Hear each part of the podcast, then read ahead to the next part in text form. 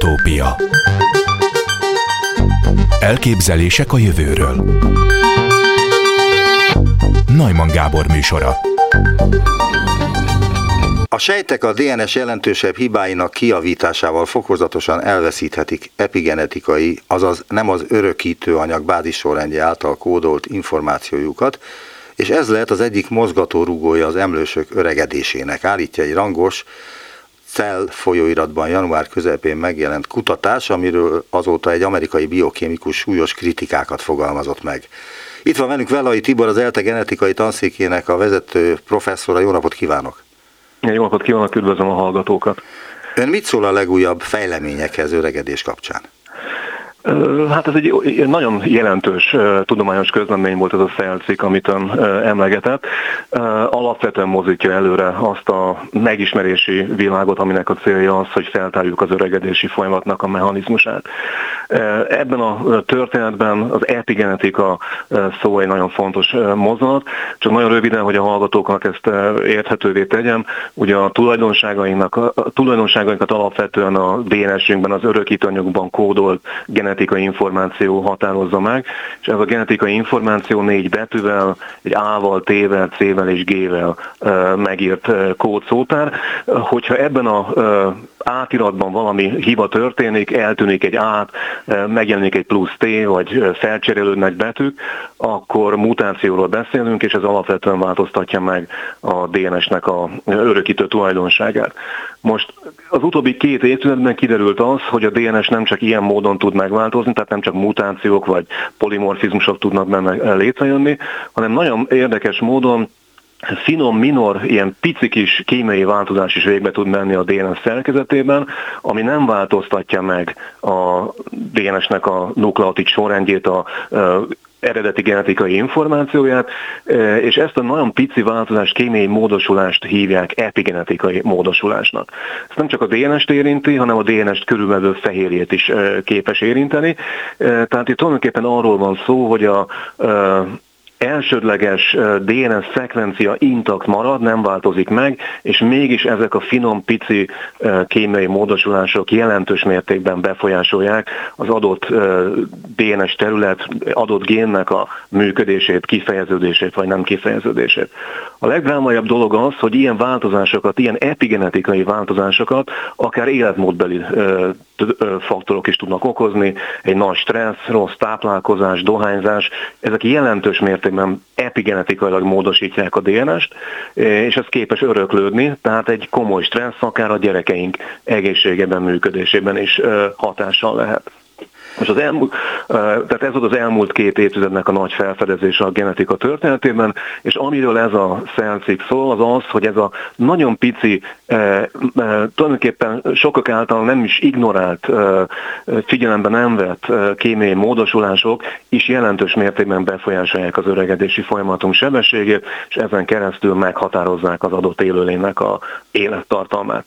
Amit ebben a cikkben kimutattak, az két nagyon drámai dolog volt. Egyrészt az, hogy ki, észrevették azt, hogy az a genetikai mintázat, ez a kémiai módosulások, pici kis metilcsoportok, vagy foszfáncsoportok, vagy, vagy acetil csoportok tudnak rátevődni a DNS-re vagy a DNS körül előlő fehérjére, és ezek a pici változások szép lassan kopnak az élettartalmunk során, szép lassan fogynak, és hogyha ezt a kopást valahogy meggátoljuk, akkor az adott élőlény képes tovább élni, lassabban öregedni, tehát ennek a folyamatnak alapvető szerepe van az öregedési folyamat kialakulásában.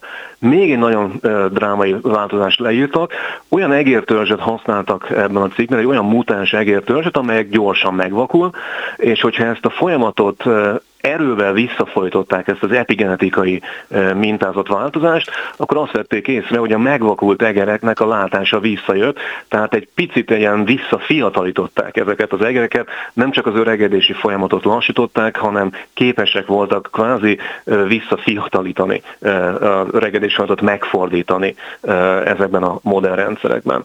Mi magunk is öregedéssel foglalkozunk, és ezek az eredmények nagyon sokunk számára drámaian hatottak elvezetnek most már lassan oda, hogy előbb-utóbb megértik, hogy mi is a öregedési folyamatnak a legalapvetőbb mechanizmusa, mik azok a genetikai faktorok, amelyek azokat a molekuláris károsodásokat generálják, amely végül elvezet a öregedéshez. Mitől változik meg egy gén, tehát, hogy ezek az epigenetikai változások, ezek mondta, hogy esetleg a dohányzástól, túl nagy stressztől, és ez mennyi idő alatt változik meg, tehát hogy mi kell ahhoz, hogy ezek a genetikai, a kódolt sejtek, ezek megváltozzanak és epigenetikai tulajdonságokat vegyenek föl? A jelen eredményeink alapján mi azt látjuk, hogy van egy a szervezet által, által meghatározott belső óra, aminek a ketyegése változtatja meg ezt az epigenetikai mintázatot. Sőt, lehet, hogy az epigenetikai mintázatnak a ketyegése az, ami magát a öregedési folyamatnak a rátáját állítja be, hiszen azt jól lehet tudni, hogy ezek a élettartamok a különböző fajok eredetében, viszony, fajok tekintetében viszonylag jól meghatározott élettartamot jelölnek ki. Vannak az öregedés kutatásban preferált, közkedvelten használt modern rendszerek, igen, egy kis fonálféreg, ami jellemzően két hétig él, aztán van a drozofila, ez a muslica, amit a genetikusok más szent állata, ez jellemzően két hónapig él, az egysejtő élesztő egy hétig él, az egérke az két évig él, tehát ezek a fajok jellemző élettartalmal rendelkeznek, ez azt jelenti, hogy egy belső kattogó óra, egy, egy ketyegő óra az, ami ezt az epigenetikai változást kialakítja. Most különböző hatások, ahogy ezt mondtam, stressz, a dohányfüstben lévő kémiai anyagok, és hát sok minden más tényező képes ezt az epigenetikai óráka átlagos állandó ketyegését megváltoztatni, vagy felpörgetni, vagy éppen lelassítani, és ennek kereszt, ezen keresztül alapvetően a ezek a változások képesek meghatározni az öregedési folyamat sebességét, és így az élettartalmunkat. Hogy egy picit még jobban pontosabbá tegyem a képet, tehát itt az epigenetikai változás az egy szabályozó faktor.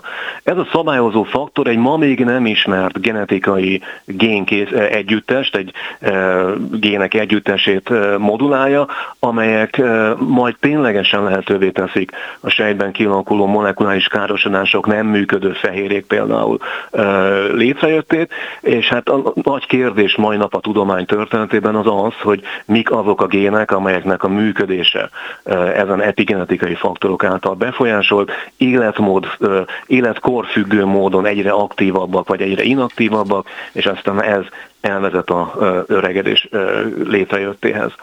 A bevezetőben említette azt, hogy van egy ezt megcáfolandó vélemény ma, a, ezt a bizonyos szelciknek az eredményét megcáfolandó vélemény a tudomány körében. Én elolvastam ezt a cikket, és azt hiszem, hogy egészen gondosan és elég korrektül jártak el a szerzők. Már a címben is az a megállapítás szerepel, hogy egy okozati faktora az epigenetikai változás az öregedésnek, tehát nem azt mondják, hogy ez az oka, hanem egy olyan tényező, ami hozzájárul az öregedési folyamat kialakulásához, és így az élettartalmunk meghatározottságához. Ilyen Várjunk csak teljesen... idéznék a cikkből akkor, hogy, Jó, hogy okay. akkor én félreértettem, mert Young Chehyun és kollégái David, David Sinclair, a Harvard Medical School genetikus professzorának vezetésével ők azt állítják, akik egyébként ők írták a cikket, hogy sejtkultúrákban és egerekben végzett kísérleteik bizonyítékot szolgáltatnak az öregedést az epigenetikus információ elvesztéséhez kötő hipotézisükre. Így van, igen. Tehát, hogy ettől, azt meg ettől függ. És Csehyun és kollégái azzal vezették fel a tanulmányukat, hogy Szilárd Leo, magyar-amerikai fizikus és Peter Bryan Medawar, a brazil-brit biológus az 1950-es években egymástól függetlenül a genetikai hibák felhalmozódását jelölték meg az öregedés kizárólagos felelőseként. Szóval itt nem azt mondják ők, hogy ez is közrejátszik az öregedésben, hanem azt mondják, hogy ez az öregedésnek az oka. Nem, ők ezt azt mondják, én mondom, olvastam ezt a cikket, hogy cause, tehát egy oka, nem a, az oka az öregedésnek. Amiben mindenki egyetért, és az a cikk, meg azok a nevek, amiket felsorolt, és hát mi magunk is a, a öregedés kutatással foglalkozó kutatók, hogy az öregedést genetikai hibák kialakulása hozza létre. Ami ma még nem ismert, hogy melyek ezek a, genetikai hibák, de amit ez a cikk már felfedezés megállapít, az az, hogy az, az öregedéshez vezető genetikai hibáknak a kialakulásában alapvető szerepet játszanak ezek az epigenetikai módosulások.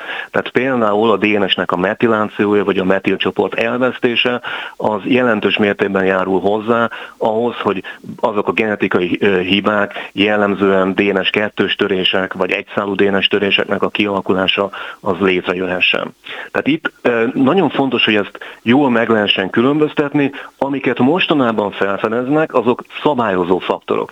Ilyen szabályozó faktor maga az epigenetikai módosulás is. Amit keresünk, és mindenki keres a világban, az az, hogy mi a mechanizmusa, mi az aláfekvő molekuláris gépezete az öregedési folyamatnak, ami ténylegesen ezeket a genetikai hibákat kialakítja. És ebben ma még nincs konszenzus. Ha engem megkérdez, vagy akár a más öregedéssel foglalkozó szakértők, akkor mindenki azt mondja, hogy ma még nem ismert az öregedési folyamat mechanizmusa, és ezt nagyon egyszerűen tudjuk bizonyítani.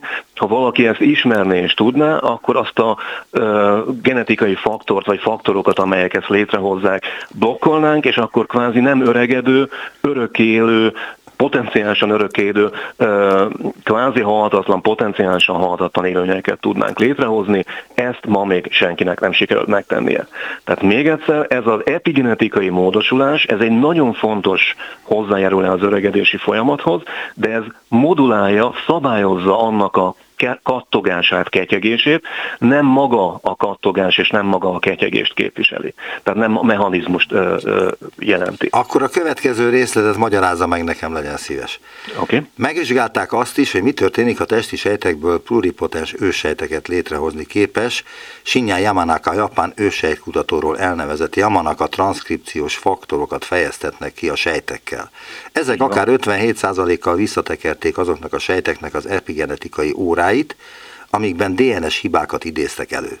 Ugyanezeket a faktorokat adenovírussal bevitték a mesterségesen öregített egerek sejtjeibe, hogy ott kifejeződjenek. Ezek hatására szerintük az öregedésre utaló biológiai jelek 5 héttel később az állatok vese és izomszöveteiben a kontrollsejtekhez hasonlítottak. A kutatók azt állítják, hogy kísérleti eredményeik bizonyítékot szolgáltatnak arra, hogy a sejtek DNS hibákra történő reagálása és az epigenetikai információ elvesztése felelős az emlősök öregedéséért. Tehát ők Ez azt mondják, hogy, hogy, hogy kizárólag a hibák, illetve az epigenetikai sajátosságok fejezik ki az öregedést lényegében. Hát a kizárólagos szót venném csak ki, és akkor jó a megállapítása. Ugye az elmúlt 30 évben nagyon sok olyan komoly cikk született a tudomány történetben, ami tekintetében különböző géneket társítottak az öregedési folyamat sebességéhez, ehhez a kattogási ütemhez tonnányi Nature Science szelcik jelent meg az elmúlt években, és mindegyikről kiderült, hogy ezek nem maga az öregedés mechanizmusa, tehát nem maga a hiba képződés, hanem annak a rátája, annak a mennyisége, adott időegységre vonatkozó mennyiségét szabályozzák.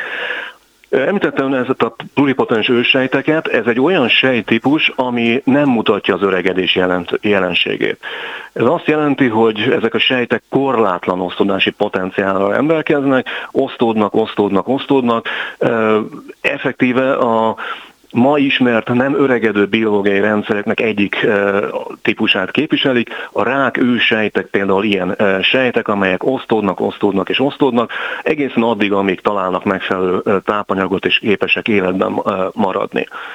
Most ilyen sejteket ki lehet alakítani már öregedő terminálisan different, tehát végső differenciált állapotban átkerült sejtekből is, például a egy izomsejtből, vagy éppen egy, egy más sejtípusból. Négy különböző gén hiperaktiválásával. Ez a négy különböző gén, négy különböző fehérjét ö, hoz létre, tehát hogyha ezeket a fehérjéket nagy mennyiségben ellátjuk bármilyen sejtben, akkor ebből a sejtekből pluripotens, kvázi nem öregedő ősejtek jönnek létre, ezeket hívják ezeknek a bizonyos faktoroknak, ez a japán kutatóról elnevezett faktoroknak. Tehát valójában ebben a cikkben az történt, hogy már differenciált sejteket alakítottak vissza pluripotens ősejtekké, ezeknek a fehérjéknek géneknek a hiperaktiválásával, négy génről van szó, és uh, ahogy kialakult a pluripotens ősejt, ez az ősejt már nem mutatta az öregedés jelenségét, vagy minimális uh, sem mutatta az öregedés jelenségét, viszonylag nem vagy kevés uh, uh, DNS hiba uh, képződött bennük, és hát viszonylag sokáig életben, életben lehetett ezeket tartani.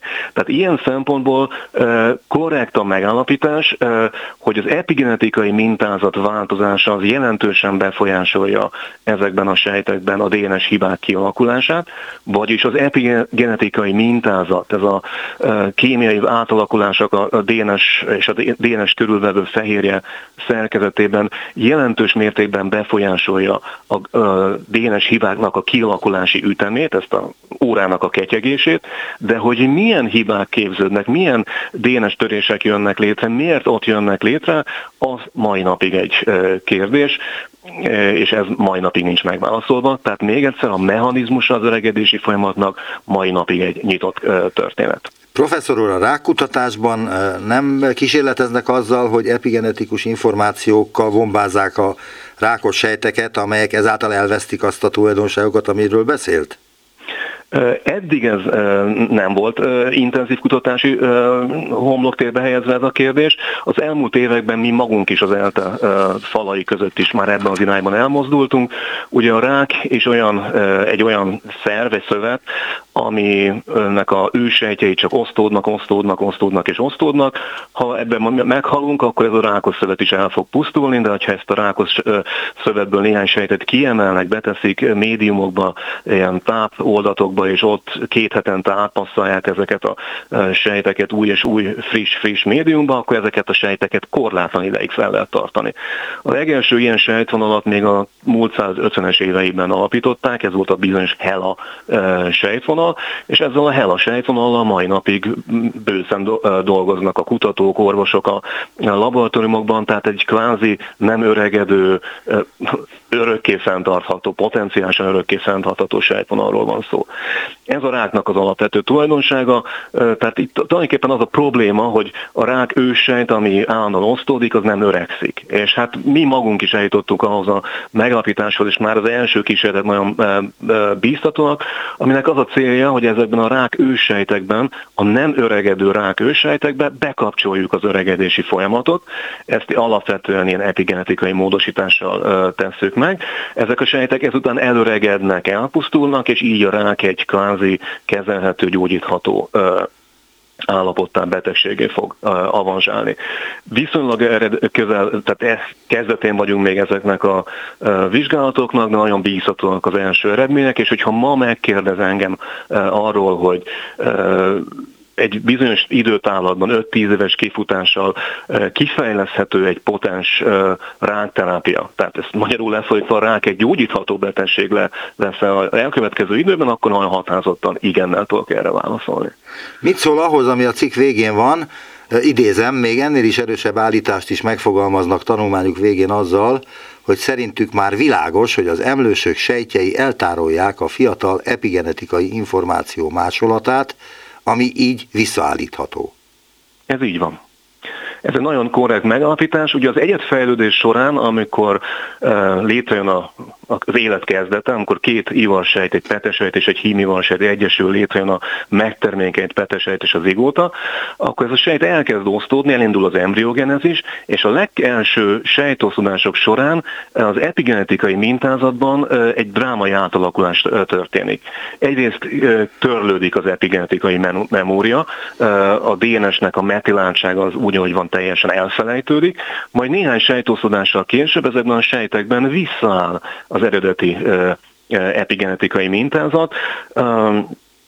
Tehát nagyjából tudja a sejt az, hogy mi az ő fiatal korának megfelelő kiindulási epigenetikai mintázat, hova kell visszatérnie, és amikor oda visszaállt, tehát újra remetilálódtak, újra visszaalakultak ezek a kémiai átalakulások a, a DNS mentén, fiatalkornak megfelelő szintre, akkor onnantól kezdve e, már minden stabil, vagy kvázi stabil, és szép lassan ebből a visszaállított mintázatból kezd el kopni a rendszer, kezdenek elvesztődni foszfátcsoportok, metilcsoportok, acetilcsoportok, e, és innentől kezdve alakul ki az a ketyegés, az az óra, ami kvázi képes mérni egy adott fajnak az élettartalmát, ember esetében mondjuk 70-80 évet, és 70-80 év az, ami alatt annyira elkopik, annyira elvesztődik ez az epigenetikai memória, hogy a fiatal kiindulási állapotból egy viszonylag öregebb állapotba jutunk el, ahol már kvázi megengedett a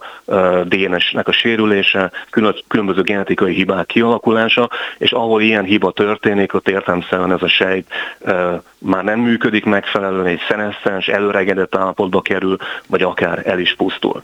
Most ha ezek a sejtpusztulások tömeges mértéket öltenek, ugye az élet késői fázisában, akkor az érintett szövetben egy diszfunkció, egy működésképtelen állapot jön létre, és kialakul egy öregkori degeneratív sejtpusztulásra együtt járó betegség, ilyen a rák különböző típusai, a neurodegeneratív elváltozások különböző típusai, ugye a leggyakoribbak az Alzheimer, Parkinson, Huntington kórok, az ALS, ide, ide tartozik a diabétesz különböző típusai, szöveti atrófia, fibrózis, immundeficienciák. Szóval egy olyan nagy köre a betegségeknek, amelyeket időskorban egyre beszerzünk ebből a palettáról, és aztán ez elvezet, ez okozza majd bennünk aztán a egyet halálát is. Beszélt arról, hogy önök is elég régóta foglalkoznak öregedés kutatással, már az ELTE genetikai tanszékén. Hol tartanak? Hát remélem most már folyamat végén. Négy és fél éves revízió után, ilyen bírálatok halmaza után vagyunk most ott, hogy a cikkünk lassan meg fog jelenni, egy nagyon magas presztízű újságban, és hát egy kicsit büszkén hogy mondjam azt, hogy mi egy másik oldalról közelítettük meg az öregedési folyamatot. Mi is ebben a cikkben, ebben a kéziratban leírtuk az epigenetikai mintázatnak a változását, hogy ez mennyire fontos, de mi elmentünk odáig is, hogy megmondjuk, hogy mi alakítja ki végsősorban ezeket a DNS hibákat, DNS kettős töréseket. Tehát reményeink szerint nekünk azért annyival előrébb vagyunk ebben a megismerési folyamatban, hogy mi feltárjuk az öregedés vagynak a mechanizmusát is. Csak nagyon röviden a élőlények DNS-ében, genetikai állományában egy viszonylag nagy szeletet, akár a DNS tartalom felét is képviselheti az a azon géneknek a mennyisége, azon DNS funkcionális egységeknek a mennyisége, amelyeket nem magunk innováltunk, hanem az evolúció során így kívülről kvázi fertőzés módján szereztünk be. Ezek a gének virális fertőzések során lették el a DNS tartalmunkat, ott a DNS-ünkben aztán ők maguk is tovább szaporodtak, és, ezeket a, és ez, ennek a külső eredetű, virális eredetű DNS-nek a legjellemzőbb tulajdonsága az, hogy ez képes mozogni ahova beékelődik egy adott kromoszomális régióban, onnan képes kiurkolódni, és képes átugorni egy másik kromoszomális régióba, akár egy másik kromoszomára is. Ezért is hívják ezeket a nagyon furcsa ilyen fertőzések, virális fertőzések során beszerzett géneket úgynevezett mobilis genetikai elemeknek, vagy még könnyebben megértve ugráló géneknek. És amikor ezek az ugráló gének képesek egyik helyről átugorni egy másik helyre, ha az új helyen egy működőképes gén van, ami egy fehérjét állítana elő, és beúrik annak a génnek a kellős közepébe, akkor azt a gént elrontja, egy DNS instabilitást, egy genetikai hibát hoz létre, és onnantól kezdve az eredeti gén már nem tudja kifejteni a biológiai funkcióját. Hasonlóképpen talán az a legjobb hasonlat erre, hogy egy fájlal átírunk egy másik fájt, akkor az eredeti fájt elvesztettük, nem, már nincs meg a információ tartalma, csak az új fájlat, fájt látjuk. Nagyjából ez történik ezekkel az ugráló génekkel is. Össze-vissza ugrálnak a genomba, beugranak egy normálisan működő génbe, azt elrontják, széttúrják, és onnantól kezdve egy genetikai hiba, egy genetikai instabilitás fog létrejönni ami észrevételünk alapján ez az epigenetikai változás, amit ez a szelcikk is leír, ezen ugráló gének aktivitását változtatja meg. Egyre aktívabbak az élet során, egyre inkább ugrabugrálnak, egyre inkább mutagenizálják a genomot, szétzúzzák a többi génnek a működését, és ez az öregedési folyamatnak a alapvető mechanizmusa.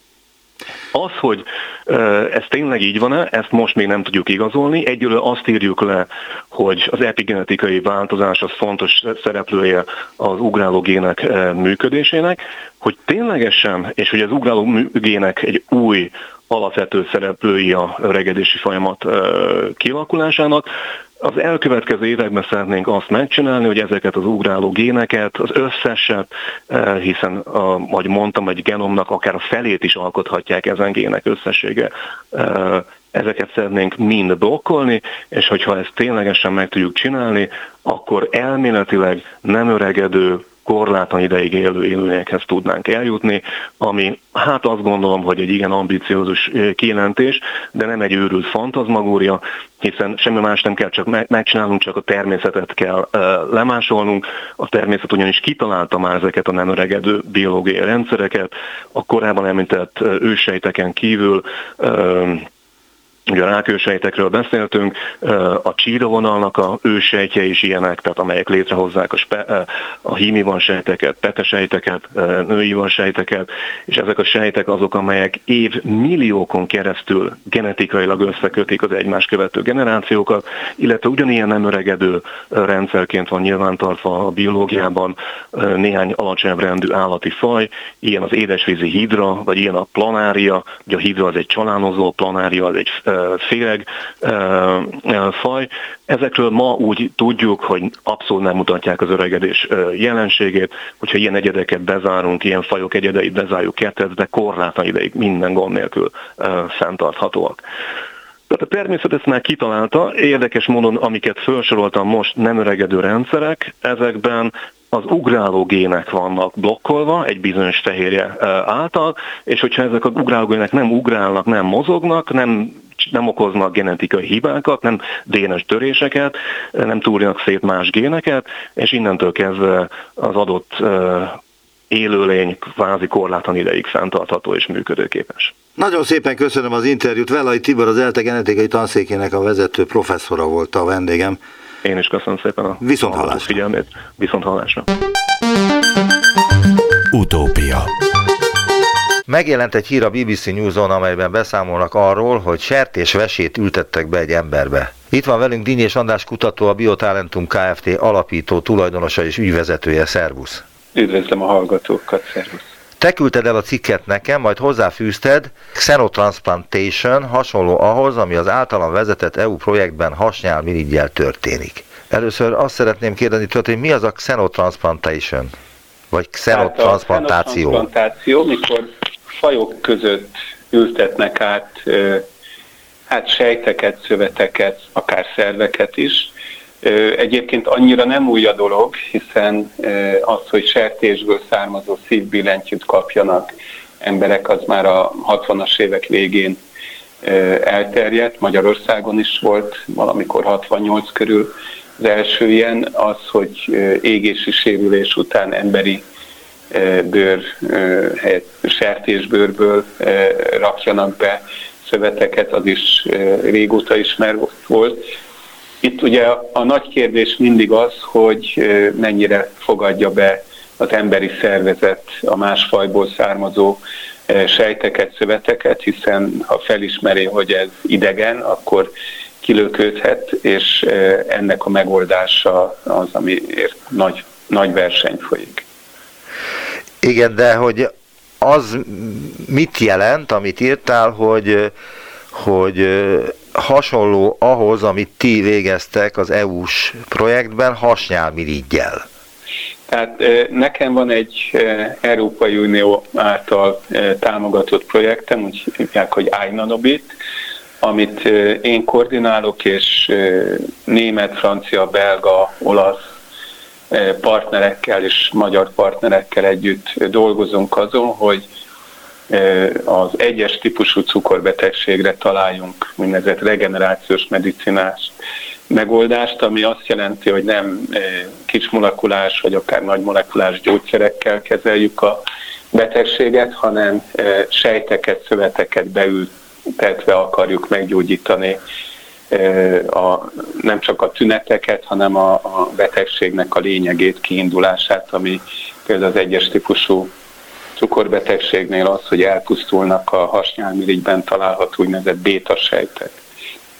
És erre két megoldás van a projektben. Az egyik megoldás az, hogy humán őssejtekből állítunk elő humán béta sejteket. Ez Gödöllön a, a Biotalentum laboratóriumban történik, és ezeket ültetjük be egyelőre állatkísérletekben, eh, részben Brüsszelben, részben pedig majd Németországban. És Milyen típusú állatkísérletekről van szó? Mert hát hogy... először egérben kezdjük, tehát úgymond a legutóbbi kísérletsorozat mondjuk egy, több mint egy évig tartott, mert beültettünk ilyen humán sejteket az egérben a veseburok alá, és azt néztük, hogy mennyire maradnak életben, illetve mennyire termelnek humán inzulint, illetve úgynevezett C-peptidet, és több mint egy éven át gyönyörűen működtek, és mivel a, a sejteket egy fluoreszcensé tettük, egy, egy különleges jelző fehérjét beültettünk genetikai módosítással ezekbe a sejtekbe, nagyon szépen tudtuk követni azt, hogy a sejtek életben vannak és jelen voltak. Úgyhogy a Lehet erre vele kérdezni? Részlete, részleteket is mondtad, hogy az egérnek a veséje alá tettetek ilyen... A veseburok alatt az nagyon gyakran egérben ha kisebb mennyiségű sejtet akarunk beültetni, az egy nagyon jó hely arra, hogy viszonylag könnyen elérhető, tehát egy kis műtéttel, mert a vese közel van a... Mert nincs a ves, az egérnek nincsen hasnyálmirigye? Ezek olyan egerek voltak, amelyekben a hasnyálmirigyekben volt működő bétasejt, tehát ezek nem cukorbeteggé tett egerek voltak, és ugye a veseburok az nagyon jó vérellátást biztosít, tehát a veseburok alá behelyezett sejtek azok nagyon e, jó körülmények közé kerülnek, e, arra kell vigyázni, hogy ne lőködjenek ki, tehát egy e, immun rendszert módosító gyógyszereket kapnak az egerek, hogy ne lökjék ki a sejteket. Ez nem a végcél, ez egy köztes állapot, mikor azt nézzük, hogy a sejtek egyáltalán működnek-e, túlélnek-e, mennyire funkcionálnak, tehát a következő lépés az nagy állatbeültetés lesz cukorbeteg sertésekbe, illetve először cukorbeteg egereket fogunk kezelni ezzel, hogy lássuk, hogy mennyire... Hogy, hogy lesznek az egerek cukorbetegek? Hát egerekbe sajnos ezeket kezeléssel kell cukorbeteggé tenni, vagy genetikailag is meg lehet, tehát vannak olyan genetikailag módosított egerek is. A sertésbe például genetikailag módosított e, olyan sertések lesznek az alanyok, amelyek e, emberhez hasonló cukorbetegséget e, érnek el bennük. Az az igazság, én, én alapvetően azon dolgozom humán sejtesen. Tessék? Ezt most nem lehetett érteni, elment a, a vonal ja, teljesen. Bocsánat.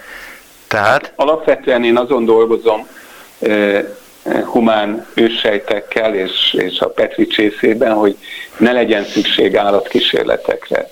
De mikor egy jövendő emberi gyógyító terápiát kell kidolgozni, akkor a kockázatok elkerülése véget feltétlenül előírja a, a, az Európai Gyógyszerészeti Hatóság, hogy végig kell menni egy állatkísérletes sorozaton is, hiszen nem akarunk embereken kísérletezni egyből, tehát ezért kellenek egér vagy patkány kísérletek, és utána valamilyen más nagy állatfajban kísérletek. És lehet kapni a piacon cukorbeteg sertéseket direkt ilyen célra? Hát Ez egy egyetemi csoporttal folytatjuk a kísérleteket a Müncheni elemúval, de, de ott tehát piacon ezek igazán még nincsenek, de egyébként lehet. Tehát ilyen nagyállatmodelleknek az előállítása, ez nemzetközileg egy nagyon fontos terület, de ugye csak néhány gyógyszergyár használja egyelőre őket, tehát ezért egy nagyon speciális piaca van ennek a területnek. De Ez nagyon a... drága? Tehát egy ilyen sertés drágán, nagyon drága? Igen. Hát az alapító állomány létrehozása az költséges, tehát én ugye annak idején 2001-ben sikerült létrehozni Európában az első klónozott sertést Roslin intézetbe, akkor azt a csoportot vezettem, ami ezt létrehozta, de azóta eltelt 20 év, és ez alatt a 20 év alatt sokkal hatékonyabbá váltak a módszerek. Itt azért fontos, és ez a xenotransplantációs területhez is fontos, hogy ahhoz, hogy ezek a sertések jó mondjuk cukorbetegség modellek legyenek, vagy utána egy más módosításokkal jó szervdonorok legyenek, ahhoz meg kell változtatni a, a sertés sejteknek a, a felületén található ö, olyan molekulákat, amire az emberi immunrendszer reagálna. reagálna. Tehát ezek részben cukormolekulák, részben különböző receptormolekulák, tehát ezeket úgy kell változtatni, most már van 6-7 genetikai változtatás után, ezek úgynevezett humanizált sertések, tehát a sejtjeik hasonlítanak az emberi sejtekhez, ami azt jelenti, hogy ha egy ilyen sertésből rakunk át sejteket, vagy akár teljes szerveket emberbe, akkor az emberi immunrendszer nem reagál rá annyira intenzíven. Tehát, Tehát nem indul be úgynevezett szervkilöködési mechanizmus? Így van.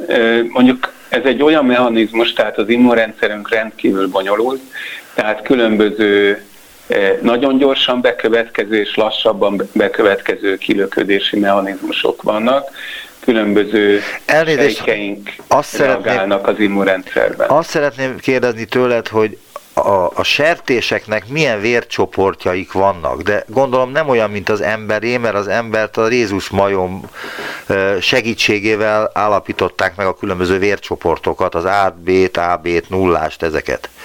De a sertésnek milyen vércsoportjai vannak, amelyek hát, esetleg kilöködhetnek? Itt, itt nem, nem vért, nem is csontvelőt ültetünk át, tehát itt nem igazán a vércsoport, ami számít, hanem a, sejtek felszínén emberben is vannak ö, olyan ö, molekulák, MHC molekuláknak nevezik őket, amelyek ö, emberenként is ö, úgymond csoportosítják a különböző donorokat. Tehát mikor emberben keresnek valakinek egy ö, szerdonort, akkor ö, bizonyos sejtfelszíni molekulákra szűrik ö, ezeket a, a donorokat, és olyan donorból kapja a beteg a, a, a szervet, akinek nek ezek a molekulái nagyon hasonlóak. Ezzel együtt általában kell még egy immunszupresszáns, tehát egy immunrendszer aktivitás csökkentő terápia, mert ha nem is azonnal, de egy lassabban bekövetkező, bekövetkező kilöködési folyamattal kilöködnének a szervek. Tehát azt még nem lehet tudni? Tehát a tudományban azt még nem tudták feltárni, hogy pontosan mik ezek a mechanizmusok, illetve melyek azok a sejtek, amelyek kilöködnek, és melyek azok, amelyek nem löködnek ki? Elég jól ismerjük ezeket, tehát ö, ö, a tudomány ezzel nagyon intenzíven foglalatoskodik, és mivel a az emberi szárvátültetésben ez nagyon fontos, ezért ma már ezeket elég jól ismerjük. Annak idején, mikor az első csontvelő átültetések voltak, vagy az első szívátültetések, sokkal kevesebbet tudtunk erről. Ma már ez elég jól kontrollálható, de ennek dacára például a hasnyálmirigynél is van olyan, hogy halottakból ültetnek be a, a betegbe életmenté célral hasnyálmirigy vagy teljes hasnyálmirigyet, vagy a hasnyálmirigy szigeteket, ugye ezek a szigetek, szigetek, ahol a béta Langerhans szigetek, ahol a béta sejtek találhatóak. Mekkora egy hasnyálmirigy elnézést? Itt is két-három év után gyakran kilökődést tapasztalnak. Hát a hasnyálmirigy az én, én nem humánorvos vagyok eredetileg, tehát olyan rengeteget kézben nem tartottam órákon emberi hasnyálmirigyet, de a lényeg az, hogy mikor a, a hasnyálmirigy Langerhans sziget beültetés van, akkor szétszedik ezeket ilyen kicsi 10-20-30 mm-es, 1 cm-es kis szövet szigetecskékre, akár még kisebbre is, hiszen a Langerhans szigetek azok nem olyan nagyon nagyok, és ezeket ö, ö, ültetik be, ö, ugye gyakran a, a, a vénán, a májvénán keresztül a májba, mert ott is ezek funkcionálisan meg tudnak tapadni, jó a vérellátás, és és működnek. Tehát, hogyha beültetnek ilyen hasnyálmirigyet, akkor nem is a hasnyálmirigy helyére ültetik ezt be, hanem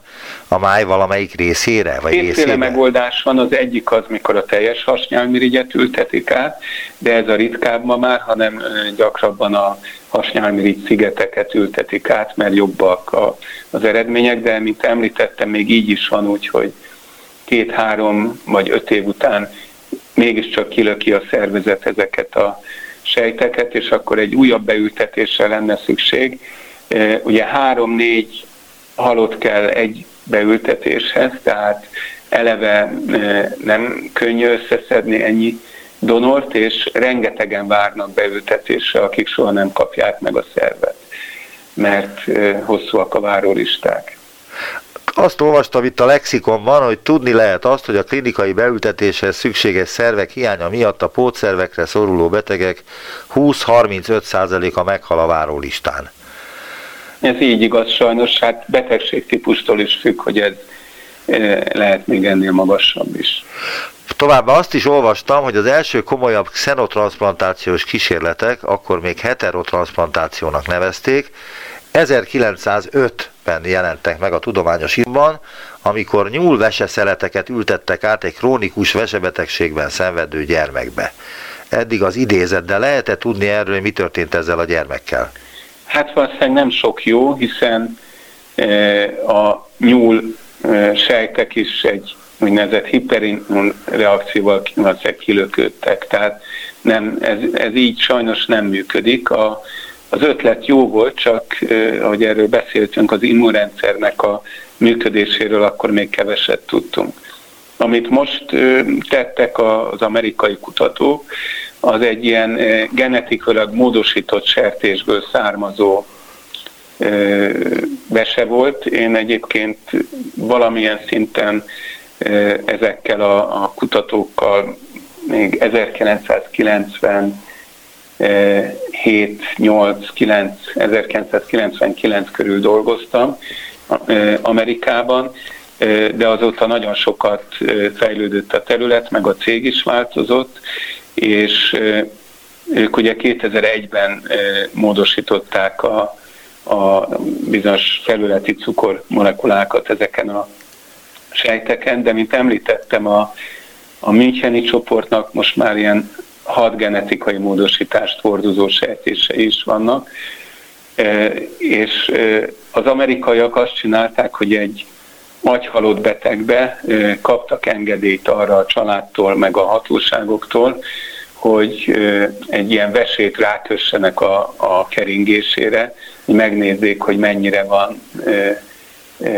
kilökődés, illetve mennyire hatékonyan működik. Tulajdonképpen ez esetben nem is ültették be a, a lélegeztetőgépen lévő agyhalott betegbe, hanem csak rákötötték így testen kívül a, a keringésére.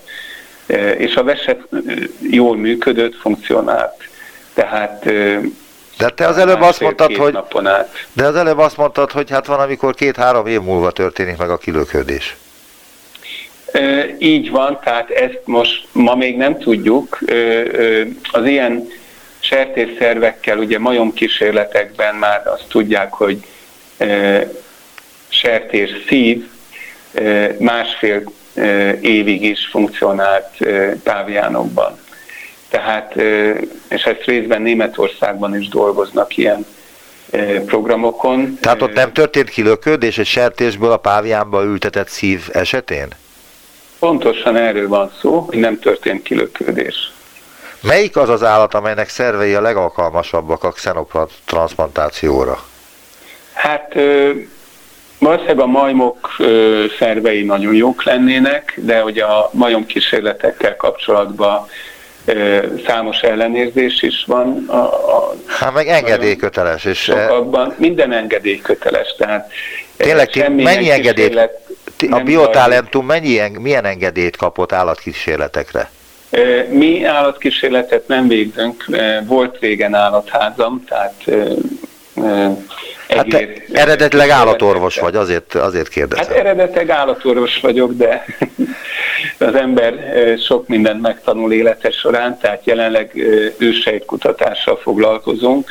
Ahhoz is kellenek engedélyek, de állatkísérletes munkát jelenleg nem végzünk Gödöllőn, ahol mondjuk Brüsszelben vagy Münchenben végeznek állatkísérleteket, ott a helyi nagyon szigorú állatkísérleti szabályoknak kell megfelelni.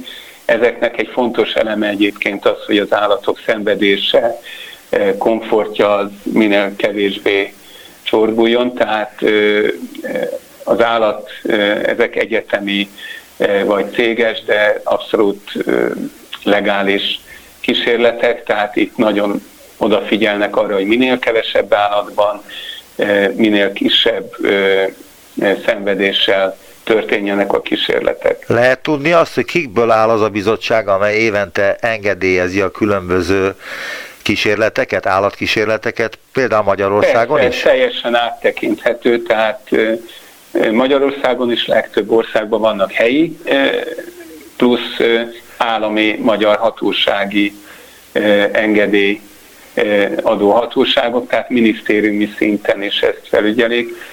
Németországban, Belgiumban is hasonlóan van egy egyetemi állatkísérletes engedélyezési folyamat, és általában van egy nemzeti szint is. Amennyiben ezek a kísérletek megállják a tudományosság próbáját, olyan állatokat fognak tenyészteni, amelyek szervei alkalmasak az emberi beültetésre? Így van, így van. Tehát az általam vezetett projektnek a másik vonulata, nem a humán sejtes, az ilyen sertésekből ültetnek a német kollégák egyelőre e, sertésekbe, de későbbiekben reméltek majd emberbe is úgymond ki nem lökődő sertés Langerhans szigeteket, illetve az egyik másik megoldás az, hogy ezeket egy olyan burokba helyezzük, ami védi az immunrendszertől a beültetett sejteket. Van benne egy úgynevezett félig áteresztő hártya, amin átjutnak a kis cukormolekulák, meg inzulinmolekulák, de de nem jut át rajta egy nagy immunglobulin, immunfehérje molekula, illetve nem jutnak rá rajta az immunsejtek. Tehát úgy tudjuk behelyezni bőr alá, vagy akár hasüregbe, tehát vannak nemzetközi kísérletek, hogy hol a legjobb egy ilyen burokba helyezett kis biomesterséges hasnyálmirigy, ahol jó a vérellátása, és, és mégis védve van az immunrendszertől. Tehát lehet, Ilyen hogy az ember... Hor... Egyébként nem is kell módosítani a sejteket, mert az immunrendszer nem jut el hozzá. Tehát lehet, hogy például az ember hónaján fogja majd viselni a hasnyálmirigyét? Hát bőr alá beültetésekkel vannak kísérletek, mert az ö, ö, nagyon jó megoldás lenne, nem valószínű, hogy a hónajban, mert ott zavar, de inkább ott a háton a vesetájékon vannak elég nagy bőrfelületek, ahol különösebb gond nélkül el lehetne helyezni kvázi életmentő bio szervecskét, ami, ami segít abba, hogy az illetőnek ne legyenek ugye, Hát meg, hogyha elindul a, meg ha elindul a kilöködési mechanizmus, akkor ki, ki lehet szedni ezt a bőr alól, és egy másikat lehet betenni. Így van, vagy ha valamire a sejtek elpusztulnak bármilyen okból. Tehát nagyon izgalmas a terület, rendkívül gyorsan fejlődik. Akkor Ez az e, na most akkor erre kérdeznék rá, hogy mennyire gyorsan. Volt. Mennyire gyorsan, tehát amennyiben minden jól sikerül, nektek, Gödöllön, illetve Németországban, mikortól indulhat el a gyógyítás? Hát ez egy ö, annyira új terület, hogy itt a hatóságoknak is tanulni kell úgymond az engedélyt, meg a kockázatokat. Tehát egy amerikai cég Amerikába két éve, Európában egy éve indított el első klinikai kísérleteket ilyen burokba helyezett hasnyálmirigy sejtekkel.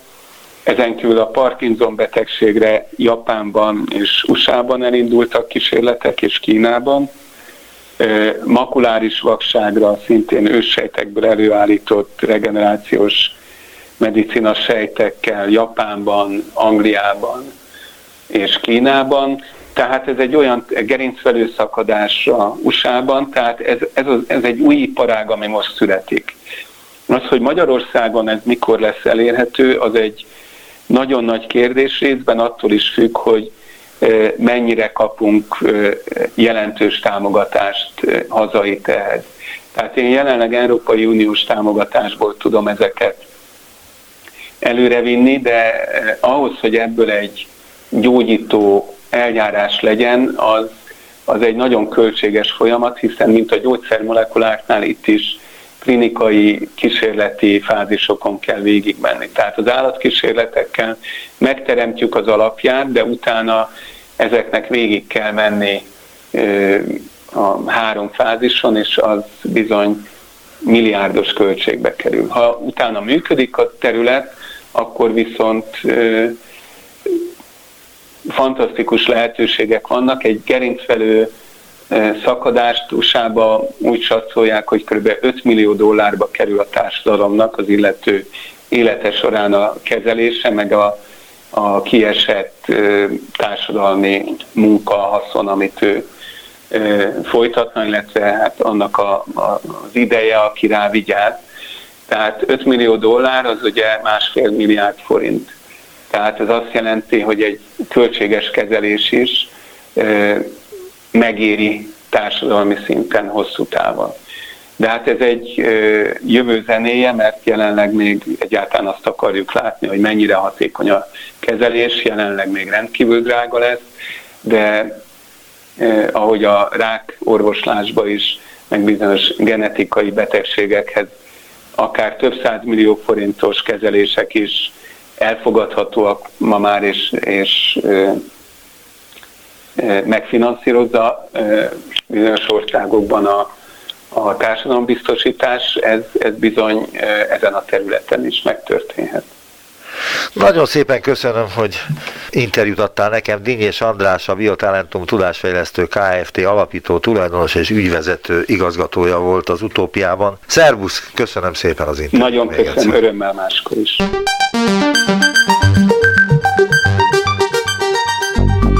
Visszaértünk a jelenbe. Neumann Gábor utópia című műsorát hallották.